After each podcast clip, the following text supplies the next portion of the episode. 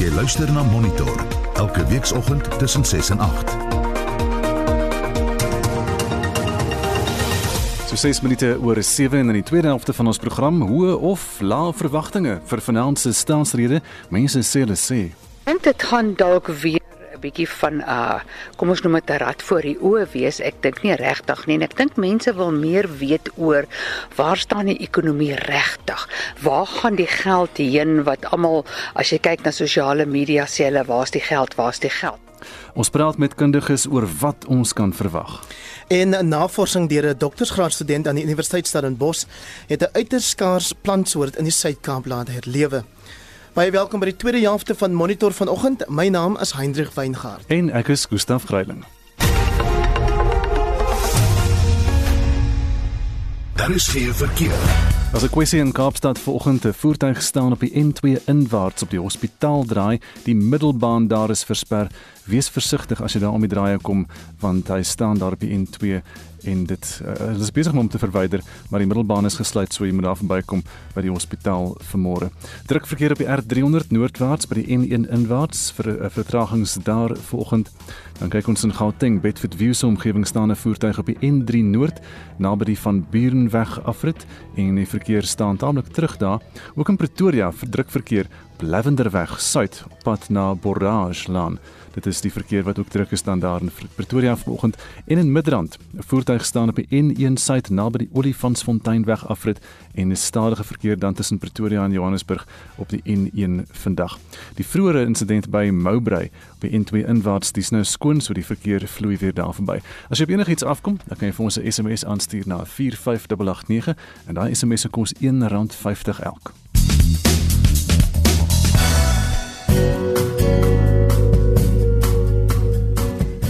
Die reisigersweer vir vandag die 11de Februarie is uitgereik deur die Suid-Afrikaanse Weerdiens en hulle het weer een van hierdie baie spesifieke waarskuwings vir hulle uh, wat ek wonder of dit presies so gaan gebeur. 'n Geel vlak 1 waarskuwing vir skadelike golwe met moontlike ontwrigting van strandaktiwiteite en moontlike gevaar vir rots, visvangers sowel as gevaar vir klein skeepsvaart en enkelmantye, spesifiek kajakke.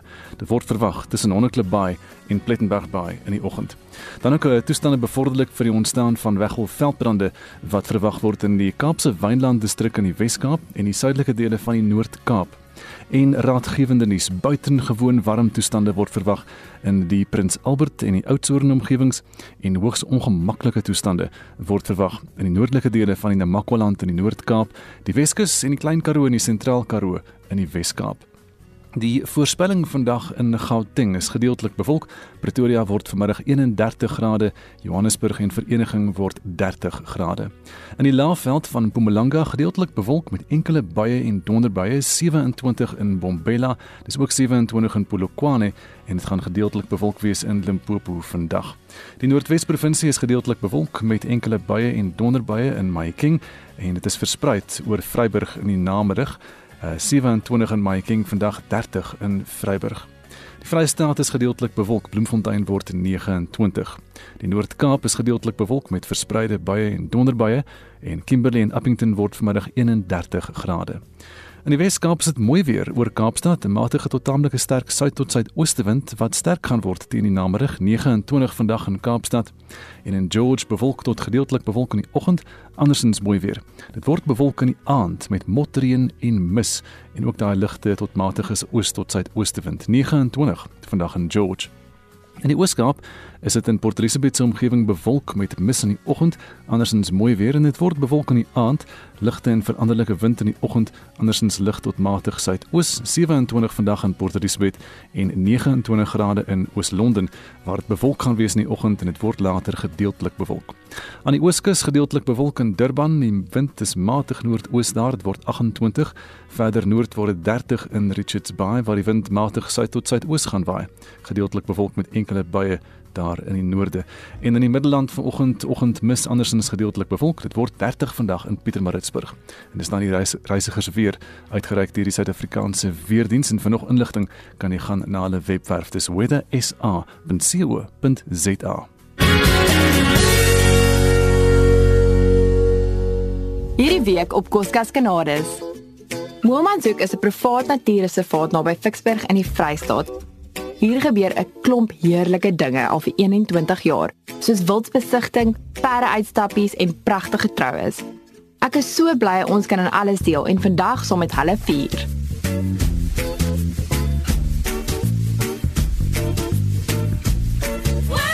Elke Dinsdag om 7uur net op SABC 2.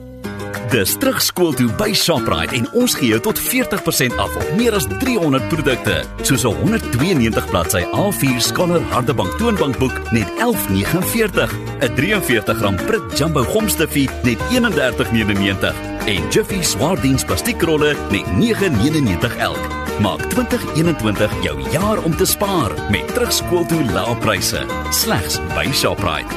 Pryse geldig tot 21 Februarie.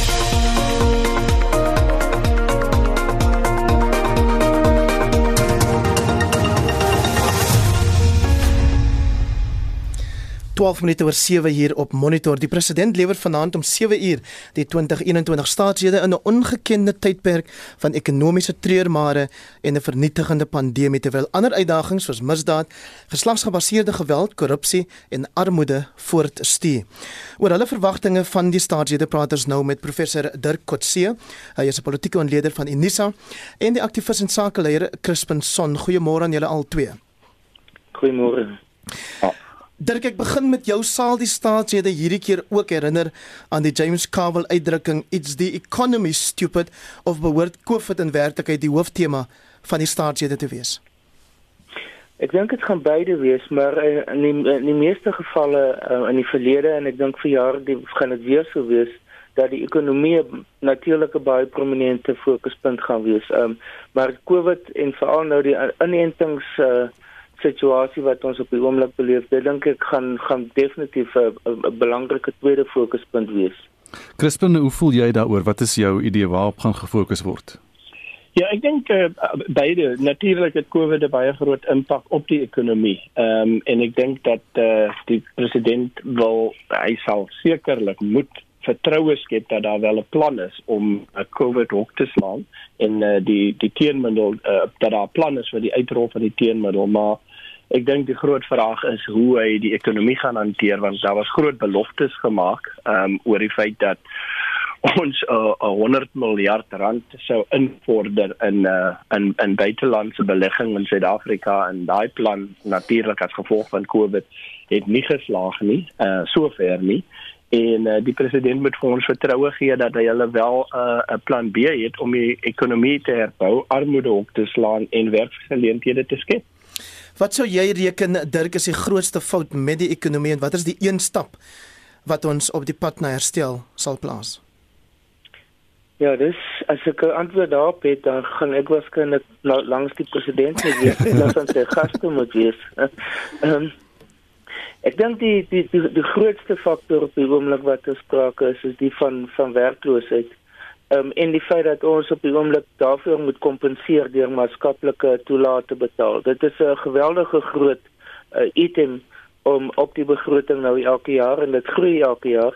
Ehm um, en dit is nie iets wat volhoubaar is nie. Dit is iets wat uiteindelik ehm um, net aangespreek word as mense hulle eie inkomste kan begin genereer. Ehm um, en ek dink dit is die die die werklike grootste uitdaging van die regering is hoe om meer mense in die ekonomie in te trek, hulle aktief te maak en in 'n sekere sin selfversorgend te maak. Ehm um, saam daarmee is die strukturele aspekte van die ekonomie. Uh die byvoorbeeld die feit dat daar so groot deel van 'n fiskale krisis op die oomblik bestaan, dat daar uh, soveel geleen moet word op 'n amper 'n daaglikse basis. Ehm um, en dat die persentasie van die nasionale uh, produk van die GDP dat dit net groei en groei. So dit dink ek is 'n belangrike ander aspek wat uiteindelik aangespreek moet word is die strukturele veranderings van die ekonomie um, om dit te kan aanspreek dat daar groter deelname, groter absorpsie um, en dan natuurlik 'n groter 'n uh, hoër groeikoers uiteindelik sou wees. Ons groeikoers oor die algemeen is rondom of negatief of rondom 1% terwyl die die die teikens gewoonlik soos byvoorbeeld in die nasionale ontwikkelingsplan nader aan 5% was maar ons uh, sedert 2011 of 12 toe die nasionale ontwikkelingsplan aangekondig is, was ons nog nooit naby dit gewees nie. Crispin hierdie gaan sekerlik bekend staan as die die COVID-19 staatsrede, die jaar van die COVID-19 staatsrede. Hoe belangrik is dit vir hulle om hierdie enstof storie reg te kry? Sure. Ehm um, ek, ek dink dis dis seker die grootste uitdaging van enige leier in die in die moderne geskiedenis. Ehm um, en ek dink die groot ons almal weet die groot impak wat dit op die ekonomie het. Nie net dis nie net 'n gesondheids maar ekonomiese krisis nie. So ek dink dis van kardinale belang dat hulle reg kry, maar ek dink ons groot probleem is ook dat dit 'n aanduiding is van uh, of ons wel ehm um, vertroue in die leierskap het. Ek dink daar's die die groot die groot daar's daar's planne en ons word uh, deurlopend uh, herinner aan planne um, wat gemaak is, maar die uitvoering daarvan is waar ons uh, meer en meer vertroue wil kry uh, in die regering en in die leierskap. En ek dink die president sal vandag moet aandui dat daar wel 'n uh, leierskap is wat waarin ons in vertroue kan hê. Ehm um, en die pandemie is my ons grootste uh, uh, onmiddellike krisis, maar daar's 'n langer termyn krisis en dis die krisis van hoe ons weer 'n nasie begin bou, soos Dirk aangedui het, hoe ons weer werk in leenthede vir mense skep. Hoe ons weer vertroue kry ehm um, in die ekonomie waar ons weer buitelandse belegging kan lok na na Suid-Afrika om weer die engine aan die gang te kry. Ehm um, so ek dink die die vaksinne is is 'n toets, is die eksamen van van van meeste internasionale leiers um, in in hulle tyd van leierskap maar um, dit is 'n groot aanduiding vir ons of ons wel 'n uh, 'n uh, 'n uh, 'n leierskap het en 'n president het wat die vertroue van die nasie het dat hy wel tot uitvoering goed kan tot uitvoering bring. Ons het 'n tekort aan planne in Suid-Afrika nie. Ek dink daar's 'n tekort aan die vermoë om daai planne tot uitvoering te bring. En intussen Dirk eh, ehm um, gaan die pandemie van misdaad en korrupsie ook voort. Ja, dit is die die ander aspek dink ek wat baie belangrik is is dat dan aan die een kant is natuurlik die ekonomiese planne wat uh, wat moet geïmplementeer word, maar as dit geïrodeer word deur deur korrupsie en dit is die die vertroue van uh, wat ons nou oor praat word sal dan ook tot 'n groot mate nie kan ontwikkel nie. As daar altyd die vraag is maar waartoe gaan hierdie geld uiteindelik uh, gaan dit werklik produktief van aard wees? Gaan is daar die integriteit in die regering om dit wat hulle op die oog af van die openbaar vir ons sê hulle wil doen dat hulle dit werklik kan implementeer op 'n manier wat ko koste-effektief is.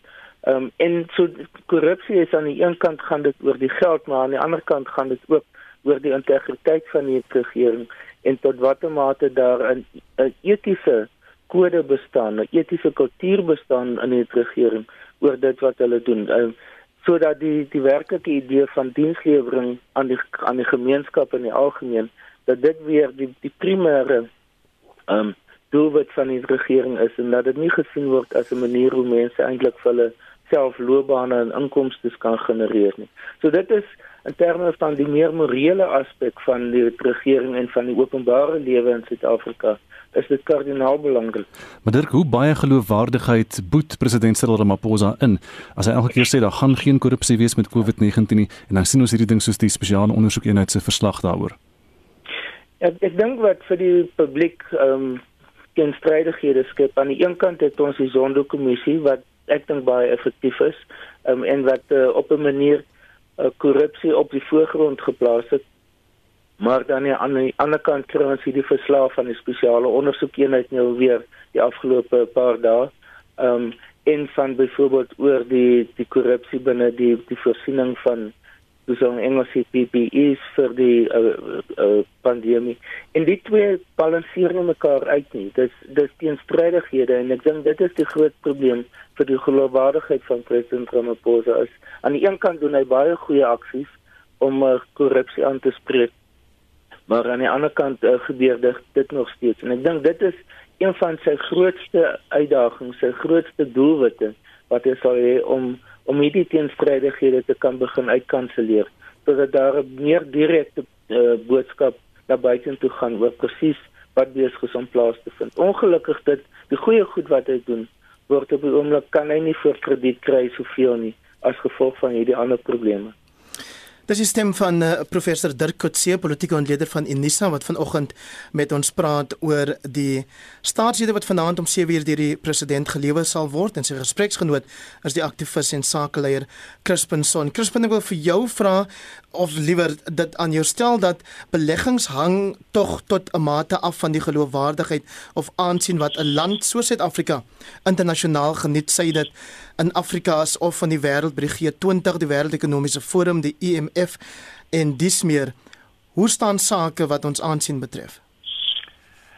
Ja so ek dink ons ons moet uh, natuurlik te kenne gee dat dit uh, dat die dat die die pandemie internasionaal internasionaal is en dit uh, alle lande ehm um, impakteer maar ek dink as ons dit in ag neem moet ons sê dat dit weer eens gaan oor mense wat redelik sinies beleggers wat sinies is oor die feit dat Suid-Afrika se vermoë um, om goeie planne te implementeer uh dat da, daar nie genoeg bewyse daarvoor is nie. En ek dink dit kom meer op korrupsie. Ons het daaroor gepraat hoe die geld bestee sal word en hoe dit behartig sal word. Dit kom daarop neer dat ons bekwame mense in in in in leierskapposisies het dat dit nie net gaan oor mense wat ontplooi is vir politieke redes nie wat wat tegnies die vaardighede het om uh om die ekonomie in die land te bestuur en dan kom dit ook daarop neer dat daar 'n uh, 'n uh, geskiedenis is van hoe ons die ontplooiing daarvan van daai kapitaal kan gebruik om winste te genereer vir beleggers. En in daai drie opsigte dink ek uh vaar ons baie swak uh die die kompetensie van mense op 'n te, tegniese vlak. Ons weet as employings uh, dat die employing vir politieke redes uh gedoen is. Die tweede ehm um, uh uh aspek daarvan die die die geskiedenis ons het 'n baie goeie geskiedenis. Ehm um, die Suid-Afrikaanse privaat sektor ehm um, het 'n fantastiese geskiedenis om om om winste te genereer vir beleggers, maar die beleid, die besteding van beleid is is baie swak. Ehm um, die die president en die leierskap kan nie besluit of hulle 'n maatskaplike soort van sosiale program wil implementeer of hulle wel 'n 'n 'n kapitaalgerigte plan wil bestuur nie. Hulle hulle hulle bly iewers in die middel en daar is nie ehm um, 'n kommunikasie oor hoe hulle hierdie uh, um, beleid gaan uitvoer nie. En ek dink dit maak mense baie uh, ongemaklik. Dirk tot watter mate behoort sosiale kohesie 'n fokusarea van die toespraak te wees of word verbygesteek ter ander prioriteite? Ja, dit is iets wat dikwels te sprake is in die as jy praat spesifiek van sosiale uh, sosiale kohesie, dis dis die term term wat uh, president Mbeki begin gebruik het na die idee van uh, nasiebou wat president Mandela gebruik het. President Ramaphosa gebruik nie spesifiek 'n konsep um, om dit gewoonlik te beskryf nie. Hy skryf hy praat nie baie daaroor nie. Wat hy eintlik oor praat is iets anders. En dit is wat hy noem 'n so, sosiale kompas. En dit het eerder meer te maak met die verhouding oor die bou van vennootskappe, die vennootskap tussen die private sektor en die openbare sektor. Hy verwys dit was na byvoorbeeld Netlak as 'n as as 'n voorbeeld daarvan as die verhouding tussen verskillende rolspelers binne spesifieke sektore um, om saam te kom en uiteindelik in terme van uh, wat ons nou die hele tyd oor praat in terme van ekonomiese ontwikkeling in terme van um, nou selfs die, die pandemie hoe om saam te werk dan. Dit het nie noodwendig te maak met die idee van wat vroeër nou nasiebou of sosiale kohesie dat dit ter sprake gekom het. Waaroor hy wel praat is iets anders um, en dit is die die probleem van geweld geweld binne families wat ook 'n vorm van sosiale kohesie is, maar dit spreek eintlik ander elemente ook aan. Nie noodwendig byvoorbeeld die verhouding tussen wit en swart en ander en die verskillende groeperings binne die land nie. So dit is iets wat wat baie mense sê wat afwesig is en waaraan president Ramaphosa meer aandag moet gee um, as wat hy op die oomblik doen. Crispin, ons tyd is verstreke, maar 'n kort antwoord dalk van jou as iemand wat ook die hoed van 'n leier in die kunstesektor dra. Wat sou jy hoop sal oor COVID se impak op kunstenaars se bestaan gesê word? Wel, ek dink eerstens dat uh, hy sy minister korrigeer oor sy oor sy uitlatings oor die kunste. Uh, die minister is onlangs uh, uh um aangehaal as iemand wat sê dat die kunste floreer. So ek dink die eerste ding is dat hy dat hy 'n bietjie regstellende aksie daar toepas. Maar um, ek dink ook dat weet as gevolg van te en um en dan natuurlik die UIF betalings wat nou gestaak is, dat daar wel 'n plan is om uh, om die om die kunste te befonds deur hierdie krisistyd en ek dink dit is iets wat uh, al reeds um, geopper is met die regering, maar daar is nog geen um, planne voorgelê om dit te doen nie. So ek dink die die die die die die die uh die kunste is in krisis. Uh kunstenaars sukkel en ek dink dis iets wat die president sal moet aanspreek hoe hulle dit uh, sal sal befonds deur hierdie uh, krisistyd. Baie dankie. Crispin Son is 'n burgerlike aktivis en ook 'n sakeleier en hy het vanoggend saam met professor Dirk Coetzee van Unisa gepraat, 'n bekende politieke ontleder. Nou die minister van Landbou, Grondhervorming en Landelike Ontwikkeling, Toko Didiza, het die parlementêre portefeulje komitee hierdie week oor vordering met grondhervorming ingelig. Meer as 600 plase in staatsbesit is reeds vir hervorming beskikbaar gestel en ons praat nou met die hoof van grondsake by Agri SA, Annelies Crosby, vir haar insigte hieroor. Annelies, goeiemôre. Goeiemôre. So die minister het tydens die vergadering bekend gemaak dat byna 44000 eise vir uh, sowat 700000 hektaar landbougrond ontvang is. Dit is nou 627 plase. Is dit genoeg om sinvolle grondhervorming te kan doen? Ja, weet jy, dit ehm um, dit hang nou af van met die definisies van sinvolle grondhervorming in die eerste plek en waarvoor die grond aangewend gaan word. Ehm um, as ons praat praat van landbougrond, jy weet hang dit ook af van waar in die land dit is en hoe vrugbaar daai grond is, hoeveel reënval daar is ensovoorts. So daar's 'n klop faktore wat 'n rol speel in die werklike vrugbare dele van die land kan 'n mens op 'n redelike klein stukkie kan jy 'n bestaan maak in droër dele is dit natuurlik glad nie ehm um, glad nie die geval nie maar dit is ten minste 'n begin. Annelies Moore Hendrik hier waardeur reken jy word die eise aangedryf deur mense wat werklik wil boer of mense wat gewoon 'n stukkie grond wil besit? dit is dis baie moeilik om te sê. Ek meen as 'n mens vir mense sê hier is nou grond beskikbaar, ehm um, en en jy's nie baie versigtig met watter seleksiekriteria jy gebruik en daai duidelik oor waarvoor grond gebruik gaan word nie, dan dink ek jy weet gaan jy uit die aard van die saak geweldig baie aansoeke kry. Ehm um, en soos wat ons weet is boerdery nie maklik nie. Dis eintlik 'n baie moeilike bestaan en om 'n sukses daarvan te maak het mense ook baie ondersteuning nodig en die regte finansieringsinstrumente nodig. Het julle julle eie syfers oor hoeveel staatsgrond beskikbaar gestel kan word? Gee julle alles wat hulle kan gee? Weet jy nee, maar daar's baie verwarring rondom daai syfers en waarvoor die grond tans aangewend word. So ons syfers wat ehm um, eintlik maar Johan Bordman van ehm um, Agri Development ehm um, Solutions se syfers is is dat daar alsin al so in die omgewing van ehm um, 31 miljoen hektaar uh, staatsgrond waarvan om en by 18 miljoen nou hierdie ou Suid-Afrikaanse ontwikkelingstrustgrond is wat onder beheer van die minister van landbou en grondsake val. Ehm um, so as dan is hierdie hierdie ehm um, syfer wat ons nou van praat wat die minister gister aangekondig het is is maar 'n baie klein deeltjie daarvan. Maar soos wat sy ook self gesê het, die staat is nog besig met ondersoeke oor watter van die grond ehm um, is beskikbaar want baie van daai grond is reeds beset deur mense. Ehm um, van van die ander graad staatsgrond, dit is nou die 13 miljoen wat nou nie Suid-Afrikaanse ontwikkelingstrustgrond is nie, word vir natuurbewaring en en allerlei ander goed gebruik. Baie daarvan lê by die departement van openbare werke. So daar's baie staatsgrond, ongeveer 25% um, van die oppervlakte van Suid-Afrika, maar baie van dit word reeds vir ander goed gebruik of is reeds beset. So hierdie ondersoeke waarmee die um, departement besig is, is eintlik krities belangrik want ek is seker daar is nog van daardie grond wat aangewend kan word vir grondhervorming, maar daar moet vasgestel word uh, watter watter daarvan. Andries, ek wonder of ons nie nou gaan vir die nuus hooftrekke eers en dan met jou die gesprek net daarna voortsit nie. Dit is nou 7:30. Jy luister na Monitor elke weekoggend tussen 6 en 8.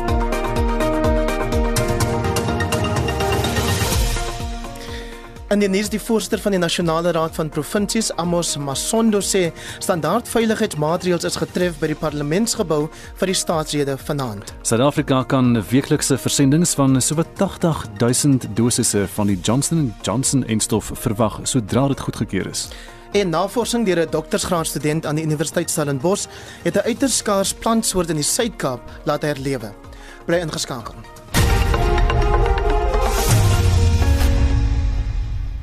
Ons gesels vanoggend met Annelies Crosby van Agri SA oor grondhervorming. Annelies het nou gepraat van van die trustgrond, Suid-Afrikaanse Ontwikkelingstrustgrond. Dit is basies die ou tuislande en die trustgebiede. Ja. Ehm um, hierdie is dit nie 'n bietjie van 'n politieke tamaletjie om om net daardie ou tuisland uh, gebiede te gebruik nie. Ja, nee, ek ek dink definitief die staat moet begin kyk na die ander grond ook, want eintlik die woord sê dit, dit is trustgrond. So dit is is grond wat die staat al die jare in trust gehou het namens die mense wat woon in daardie ou tuislande en dit is natuurlik ook die areas waar ons die tradisionele leierskap kry. Dit so daar's heelwat weerstand in daai gebiede teen ehm um, die die verlening van eiendomsreg op daardie gronde. En en dit maak weer dat dit moeilik is om ehm um, verlenings te kry vir mense wat probeer boer daarso. Dat die finansiering um, moeilik is. Andries het ook verwys na grond in staatsbesit wat reeds beset word. Wat is die aard van daai besettings? Wie sê ek wil van dit is onwettige besettings um, van van openbare werke se grond byvoorbeeld wat al die jare nog net lê en wat mense nou op begin in beweeg het en op op begin woon het veral langs jou in jou in jou stedelike areas. Hmm. En wat dan van grond wat in privaat besit is, baie keer ook in stedelike areas, want dit is onvermydelik sekerlik dat dit in 'n stadium wel ter sprake moet kom. Wat is eintlik al lankal ter sprake? Ek meen die druk is al die jare nog meer op die privaat grond as wat dit op die staatsgrond is in soverre as wat dit herverdeling aanbetref. En En dit is hoekom ons hierdie verwikkeling verwelkom. Jy weet dit is 'n is in beginsel 'n baie goeie ding dat hulle nou eers op staatsgrond gefokus word. Die probleem is altyd met hierdie goed kom by die manier wat dit nou geïmplementeer word. Ehm um, jy weet want in die eerste ronde was daar jou wat gevalle wat dit daar nou mense is wat eintlik al jare boere op hierdie grond wat nou sou afgegooi geword het van die grond af om ander mense op die grond te sit. En en dit is ook nie reg nie. So die dis goed dat dit dat die minister fokus op op staatsgrond om dit eers beskikbaar te stel, maar dit moet reg gedoen word en dit moenie mense afhanteer wat reeds suksesvol boer op daai grond. Annelies Agri SA se uitvoerende hoof Christo van Rede het vroeër die week op ons program gesê julle organisasie is ek wil amper sê sonder voorbehou verbind tot grondhervorming maar hoe lank nog reken jy voordat ons hierdie saak te ruste kan lê? Ja, ek meen ek het so 2 jaar terug by ons kongres moes ek aan ons lede Agri SA se grondbeleid oor die jare soos wat ons dit goedgekeur het voorhou. En ek wil ons van die vroeë 90er jare het ons gesê ons is verbind tot grondhervorming mits dit volhoubaar is en dit ordelik geskied en jy weet die grondeienaars ook billik behandel word in die proses. So dit staan definitief vas. Ehm um, ja, probleme is met die implementering, soos wat honderde verslae, nou nie honderde verslae nie, ek oordryf nou, maar die hoofvlakpaneel verslag byvoorbeeld van president oud-president Motlanthe, ehm um, die presidentsiële adviesraad verslag, die departement van monitering en evaluering se verslag oor grondhervorming wys almal daarop dat die probleem is by die implementering. Die staat het nie die kapasiteit om sy eie programme uit te rol nie en dit sluit herverdeling in. So die oplossing is 'n funksionele um, vennootskap tussen die staat en die private sektor.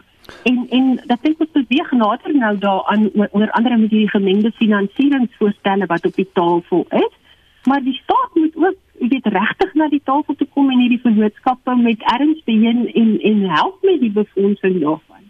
Annelies baie dankie die hoof van grondsake by Agri SA Annelies Crosby. Wanneer dit kom by jou aftreeplan, wat's die verskil tussen fooie van 3% en 1%? Die kort antwoord is 2%.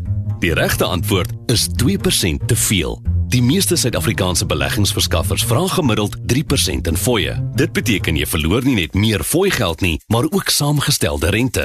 By 10x Investments vra ons minder as 1% in fooie voor BTW, wat beteken dat jy met tot 60% meer geld opeindig wanneer jy aftree. Want die laaste ding wat jy wil doen is om langer te leef as jou inkomste.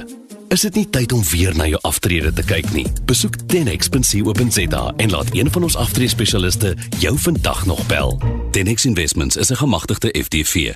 Besenfees geld. Ek is Quentin Willeman. So, ons kom altyd in die oggende by mekaar en dan vertrek ons met die wenne en dan gaan sny ons as 'n span. Ons werk net met die heuningbostee, hulle is organies. En die heuningbostee groei hoog in die Oos-Kaapse Kougaberge. Kom kuier Donderdag 11 Februarie om 8:00 die aand saam op die plaas Nooit Gedagte waar heuningbostee al 80 jaar lank geoes word. Daar is geen verkeer. En ons kyk net wat aan die gang is in die verkeer in hierdie stadium in KwaZulu-Natal staan daar 'n voertuig op die N2 suidwaarts na die oprit vanaf Umhlanga. Hulle het hom uit die pad uit gekry, maar dit is maar stadig daar verby, so wees versigtig as jy daar ry vanmôre. In Kaapstad druk verkeer op die N7 suid by die N1 inwaarts vertragings in daardie omgewing. Daar was 'n KwaZulu-Natal botsing op die N3 weswaarts na die oprit vanaf Omlaasweg. Die regterbaan daar word geraak deur daardie situasie. In Gauteng, 'n voertuig staan op die N3 suidwaarts net voor van Burenweg linkerbaan gesluit. Wees versigtig as jy daarby verby beweeg. In Fourways in die noorde van Johannesburg ongelukstoneel op die N1 noord na William Nicol Ryland stadige verkeer dan daar vanaf Malibongwe op die westelike verbypad vanmôre. En in Mountain View in Pretoria is daar druk verkeer op die R80 suid die Mabopane hoofweg vanaf Breem of dit ja van die R80 suid vanaf Bremerstraat tot by Eskiam Pathlele en ook druk verkeer vanoggend na Rini beverteen buffer op Nel Mapies ry dan dis nie R21 en hoofweg. As jy weet van enigiets anders dan kan jy vir ons 'n SMS aanstuur. Die was vroeër 'n SMS wat iets gesê het van Touwsrivier dat die verkeer hoop op aan beide kante van Touwsrivier vermoedelik 'n baie groot ongeluk Uh, ons weet nie presies wat daar aan die gang is nie, maar miskien sal ons later kan hoor. As jy weet van enigiets 45889 en dit kos R1.50 elk. 737 kom ons hoor gou wat julle sê oor ons vraag oor minimumloon aanpassings vanoggend. Lenny van Sabi. Ek het dit so gedoen by my hierdie kant. Ek het vir hulle gevra gee my kwotasie wat hulle bereid is om te doen op skrif en dit is wat ek hulle betaal. Die mense daar buite soek so werk. Ek byt hom nie uit nie. Ek vra hom gee my 'n kwotasie wat my tuindienste gaan en hy kom kyk. Hy sê vir my hy soek vir kom ek sien byvoorbeeld R300 vir daai per dag want ek het 'n verskriklike groot tuin. So dan doen ek dit daarvolgens en ek ontstel 'n kontrak op. As hulle na my toe wil kom en sê hoe ek betaal hom nie volgens die rates nie, dan sê ek net daar's die kontrak en daar's die kwotasie wat die betrokke persoon my gegee het. daarmee skakel ek uit enige verhogings ensovoorts. Ek weet dit kan nie vir almal help nie, maar dis nou maar net my uh, 50 sent. My naam is Desrein. Ek wil net 'n teenvraag vra. Hoekom word die straatwerkers van die regering net R11 per uur betaal en nie ook dieselfde as die landbou en die huiswerkers nie? Georgie, ek kan nie my werkers meer betaal nie. Nou hier is van my werkers wat meer wil hê. Ek het hulle gesê ek gaan hulle briewe gee, dan moet hulle maar na Ramaphosa toe gaan vir meer geld. Ramaphosa sal hulle seker meer geld betaal. My naam is Esme op Aberdeen. Ek kan nie sien hoe ons kan bekostig om daardie nuwe loon vir werkers te kan betaal nie. Dit gaan beteken dat die werkloosheidssyfer gaan styg. En aan die ander kant gaan die misdaadsyfer ook styg. Want as mense honger is, gaan hulle eendag 'n plan moet maak vir kos. Vir my is dit belaglik. Vir my sê dit die regering gee nie om vir die nasie nie, want dit gaan beslis nie werkskepping maak veroorsaak nie, maar liewer werkloosheid. Terwyl daar nou so geskree word oor verhogings vir almal, wat van die senior burgers? Ek bedoel, wanneer gaan Ramaphosa dan sê, "Oké, okay, ons gee vir julle ook 23%." Dit sal fantasties wees. Dis nou so 'n omgewing van 20 minute voor 8 nee luister hier na Monitor op RSG. En ons kyk nou na wêreldnuus gebeure en in vanoggend se wêreldnuus begin ons in Amerika waar senators van die Demokratiese Party getuig in die verhoor dan nou oor oud-president Trump se staat van beskuldiging waarin die Huis van Verteenwoordigers hom geplaas het en Anne-Marie Jansen van Vuren hou hierdie en ander gebeure vir ons dop. Môre Anne-Marie. Môre Gustaf. Watter tipe getuienis is toe nou gister voorgelê? Demokrate het tydens hierdie betoog veral video's wat op sosiale media versprei is, sowel as Trump se tweets gebruik om hulle argumente te staaf. Hulle het spesifieke tweets op 'n groot skerm gewys en aangedui watter woorde in die tweets oproerigheid kon veroorsaak.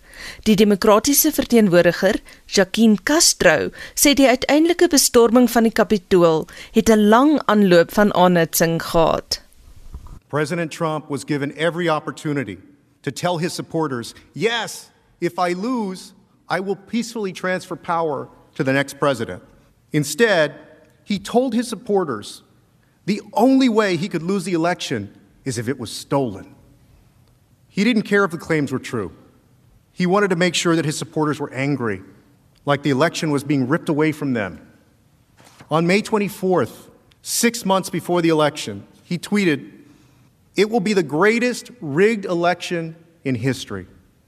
How could he possibly know it would be the greatest rigged election in history six months before the election happened? And on June 22nd, more of the same. Rigged 2020 election. It will be the scandal of our times. Again, about an election that had not even happened. Die getuienis het ook videomateriaal van sekuriteitskameras ingesluit wat nog nie van tevore aan die publiek vertoon is nie. Die demokratiese verteenwoordiger, Madeleine Dean, was na aan trane toe sy tydens die verhoor getuig het van hoe sy die dramatiese gebeure van die dag onthou toe betogers die kapitool op horings geneem het. At 12:53 as the president's speech was playing on cell phone broadcasts, the outermost barricade of the northwest side of the Capitol was breached, and Capitol Police were forced back to the steps of the Capitol. And at 2:30, I heard that terrifying banging on House chamber doors. For the first time in more than 200 years, the seat of our government was ransacked on our watch. Someone shouted up to us, Duck, then lie down, then ready your gas masks. Shortly after, there was a terrifying banging on the chamber doors. I will never forget that sound. Shouts and panicked calls to my husband and to my sons. Die demokratiese verteenwoordiger van Pennsylvania, Madeleine Dean. Nou 'n heel ander storie in Australië het die 17-jarige Robert Owen 'n groot wêreldwye toekenning vir 'n natuurlewe fotografie gewen.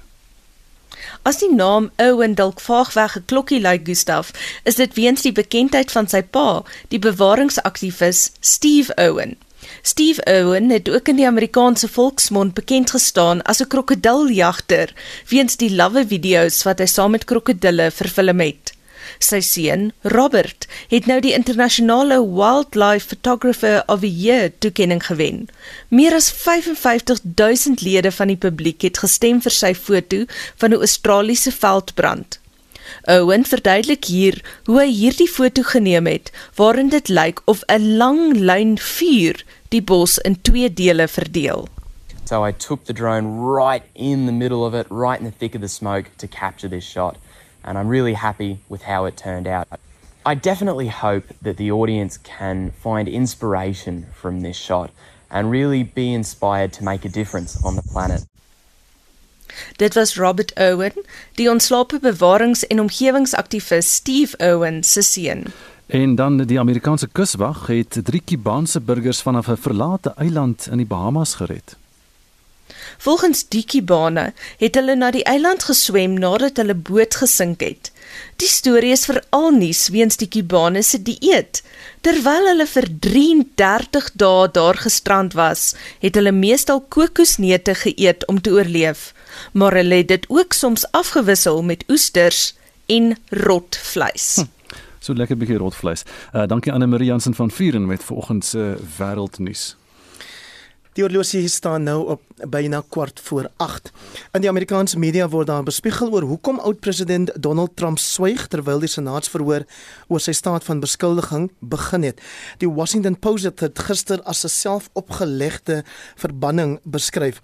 Ons praat nou oor die saak met die dekaan van Geesteswetenskappe by Akademia, professor Pieter Dievenage. Pieter, goeiemôre. Waar staan hierdie proses tans?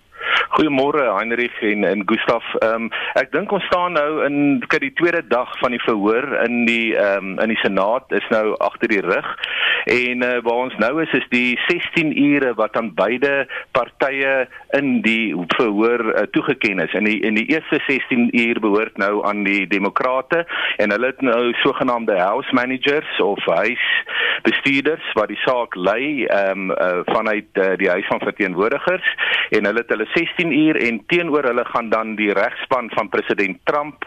Ek het nou ek gehoor wat jy sê oor hom Heinrich, maar president Trump se regspan gaan dan net 16 uur kry om te reageer op die demokrate. Ons het nou gehoor daar by Anne Marie, ons het van hierdie house managers, soos die aanklaers wat hulle is, ehm um, gehoor wat hulle alles daar te sê gehad het en hulle daai video gewys, die vreeslike video van 13 minute van hoe erg dit dit was. Maar blykbaar is daar van hierdie Republikeinse senators wat daar sit en aspres nie kyk nie en ander goeters doen.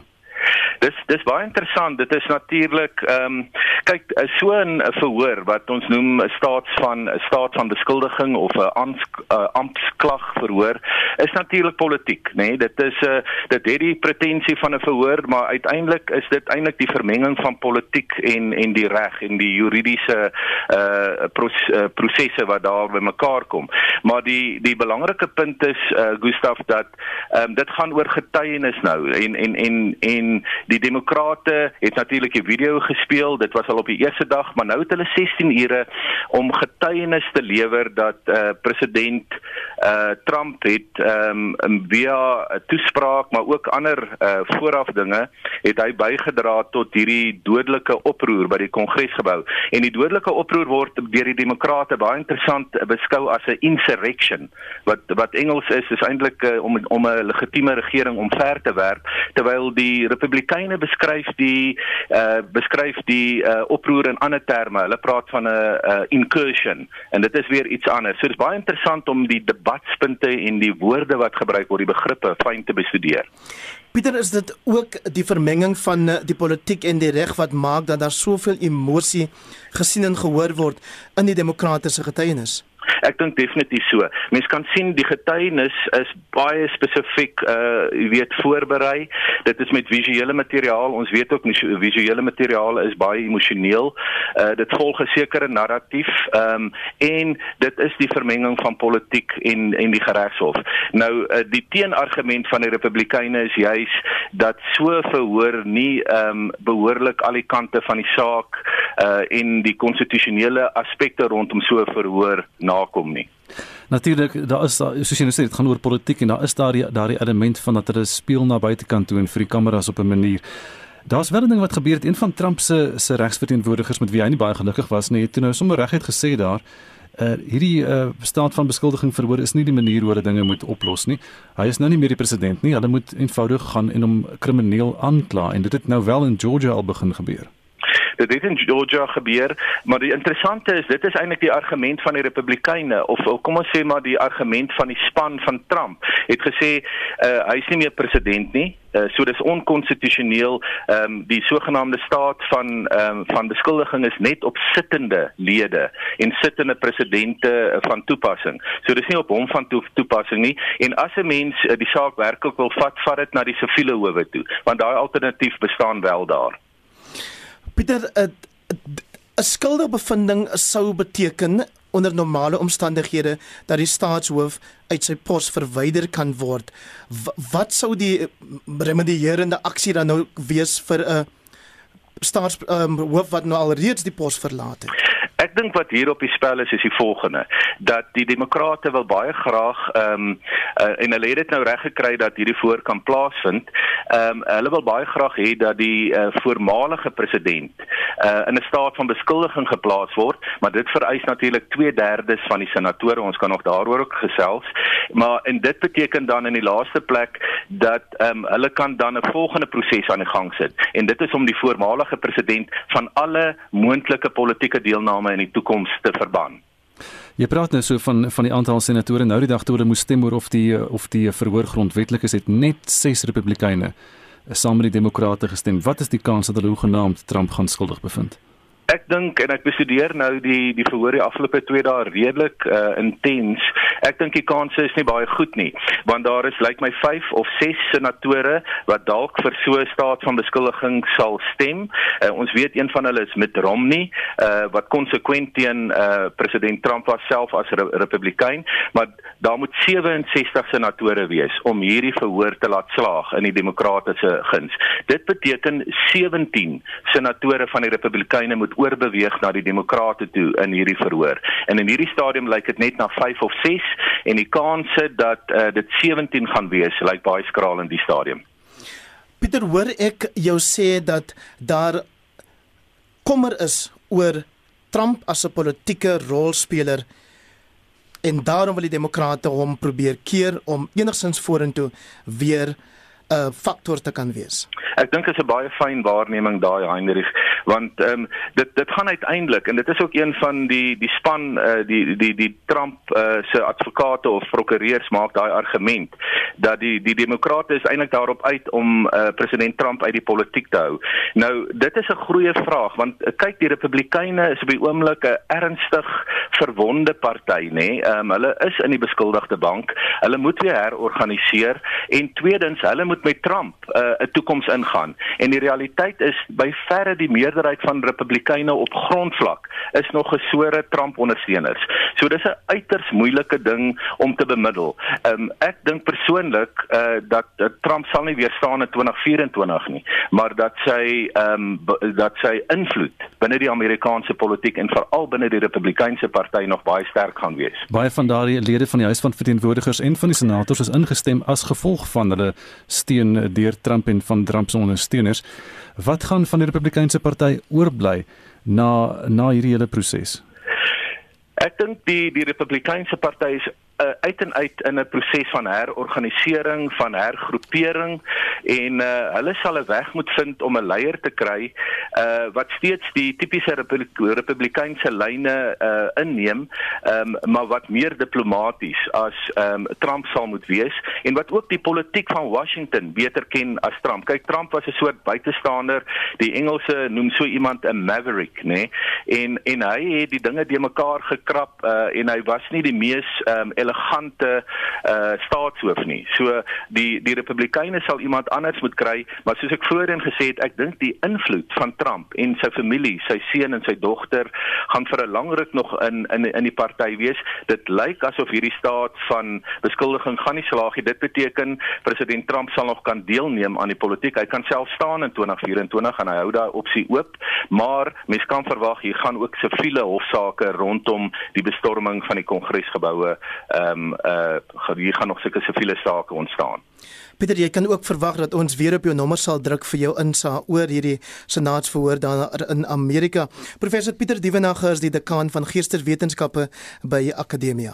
7 minute voor 8 navorsing deur 'n doktorsgraadstudent aan die Universiteit Stellenbosch het 'n uiters skaars plantsoort in die Suid-Kaap laat herlewe. Wetenskaplikes het gemeen sekere van die Polhylia plantsoorte het reeds uitgesterf. Nou die nuwe inligting is te danke aan die plantkundige Brian De Prese ywer en ons praat nou vanmôre met hom Brian, goeiemôre. Goeiemôre Gustaf. Hoekom het jy gekies om navorsing oor hierdie plant, uh, Polhylia te doen? Die die inspirasie vir my vir my MSc studie uh het gespruit uit die herontdekking van Polhylia ignota in 2016. Uh en ek het besluit hierdie klein groepie spesies kort baie aandag uh taksonomies veral en ook aan hulle bewaring. Uh so dit was 'n regtig baie maklike keuse. En watter nuwe ontdekkings het jy spesifiek gemaak? Uh wel in die in die middel van die studie wel van meer aan die einde van dit het ek self 'n uh, 'n splinter nuwe spesies ontdek. Um 'n vriend van my Jannie Groenewald uh het ook 'n nuwe spesies ontdek, uh Polylea groenewaldi, uh wat slegs bekend is van vier plante um in die natuur en dan uh, nog twee verdere nuwe spesies wat uh, deur tyd versamel is maar weens die gebrek aan navorsing nooit beskryf was nie. En so ja, as nou nie ja, daar's nie 'n naam in die volksmond nie, dis net maar Polhylia. Het jy daarom een na jouself ook vernoem? Nee, nee, ek kan dit nou nie doen nie, maar uh die een wat ek uh ontdek het, het ek Polhylia fortunata vernoem oh. na hoe gelukkig ek was om dit te vind. Fortunate. Kan jy vir ons beskryf, beskryf hierdie plant wat jy ontdek het? Maar kyk, uh die meeste wat 10 van die 11 Polylea spesies het geel blomme, net die een het uh so pinkerige kleur. Ehm um, die blomvorm is is soortgelyk aan die aan die geel lupien wat baie van die boere plant veral hier in die Boland. Ehm um, hulle is redelike groot struike met fyn gryserige blare. Ehm um, baie mooi en hulle kom net in Renosteveld uh voor. So hulle is uiters skaars en, en baie van hulle is nog krities bedreig. Behalwe nou vir hierdie mooi blomme het hulle funksie daar in hulle habitat in die ekostelsel. Ehm um, sover ons weet uh kan ons dit nog nie regtig sê nie. Die baie is mal oor hulle. Ehm um, en soos meeste ertjies bind hulle stikstof uh in die grond wat dan ander plante stikstof gee om te gebruik om te groei. Hoekom is hierdie plante so verskriklik bedreig? Jy weet mense kan amper die oorlewende plante op jou een hand tel. Ja, ehm um, soos mens weet as mens deur die Swartland ry en deur die Oeverberg is is dit grootendeels omskep vir vir landbou. So ba, al die plante basies groei op klein stukkies grond wat nie opgeploeg kan word nie. Uh so hulle is baie klein geïsoleerde populasies uh sommige spesies net een populasie wat oorbly. Jy praat van jy moes ry toe die navorsing gedoen het, jy moes sekerlik ver reis om behoorlike opname te kon doen. Ja, kyk, ek het seker maklik 8000 kg in my bakkie aangepak. Ek was twee keer ehm um, Roggeveld toe uh daarna by Sutherland, een van my spesies groei daar op die berg. Ehm um, maar is pret en plesier vir my om in die veld te wees. Hoe kan jou navorsing help en bydra om Polhelia van uitwissing te red? Um ek het saad van basies al my spesies versamel uh en ons beplan om um baie van die spesies nou in die Stellenbosch botaniese tuine um te kweek en aan te plant. Uh en hopelik kan ons eendag selfs um uh plantjies terugplant in 'n natuurlike veld uh, waar hulle voorheen voorgekom het uh om die getalle weer 'n bietjie op te stoot. Brian, waar kom jou belangstelling in die plante vandaan? Dit kom maar van kleins af. Uh uh ek is maar kind met groen vingers. Uh en maar lief vir die natuur oor die algeheel. Um maar my belang in plantkunde het veral ontstaan in in eerste jaar toe ons 100 boomname met die wetenskaplike name moes moes leer op Saasveld. So jy moet daai naam uit jou kop uitken. Uit die kop uitken en regspel. Ja, dan gaan nou nie 'n Dupree wees nie, maar ten minste ken jy Polhelia fortunata spel, né, as ek dit reg het. Brian baie dankie, dit was die plantkundige en die doktorsgraad student daar by die Universiteit Stellenbosch volgend oor sy ontdekking. Dit is Brian Dupree. Nog 'n laaste terugvoer van die luisteraars oor ons luisteraars vraag vanoggend wat handel oor die minimumlone. Jonathan April op Gouda. Mense besef nie, boere in hierdie land is ons belangrikste voedselketting. Ons het hulle brood nodig. Nou wil jy mense wat vir die laaste 7 jaar so swaar trek onder droogte. Hulle gaan gebuk daaronder. Nou wil jy nog vir hulle in die voet skiet. Hoe dink die regering nou? Hierdie 16% is way bo die mense se viermakplek. Dis onregverdig.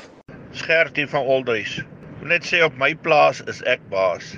Niemand sal vir my sê wie en vir wat ek wat moet betaal nie. Of jy werk vir wat ek betaal, of jy vat jou goedjies en gaan. Ek is gatvol vir 'n regering wat vir my wil vertel hoe en wat waar moet gebeur. Ek is 'n polisieman.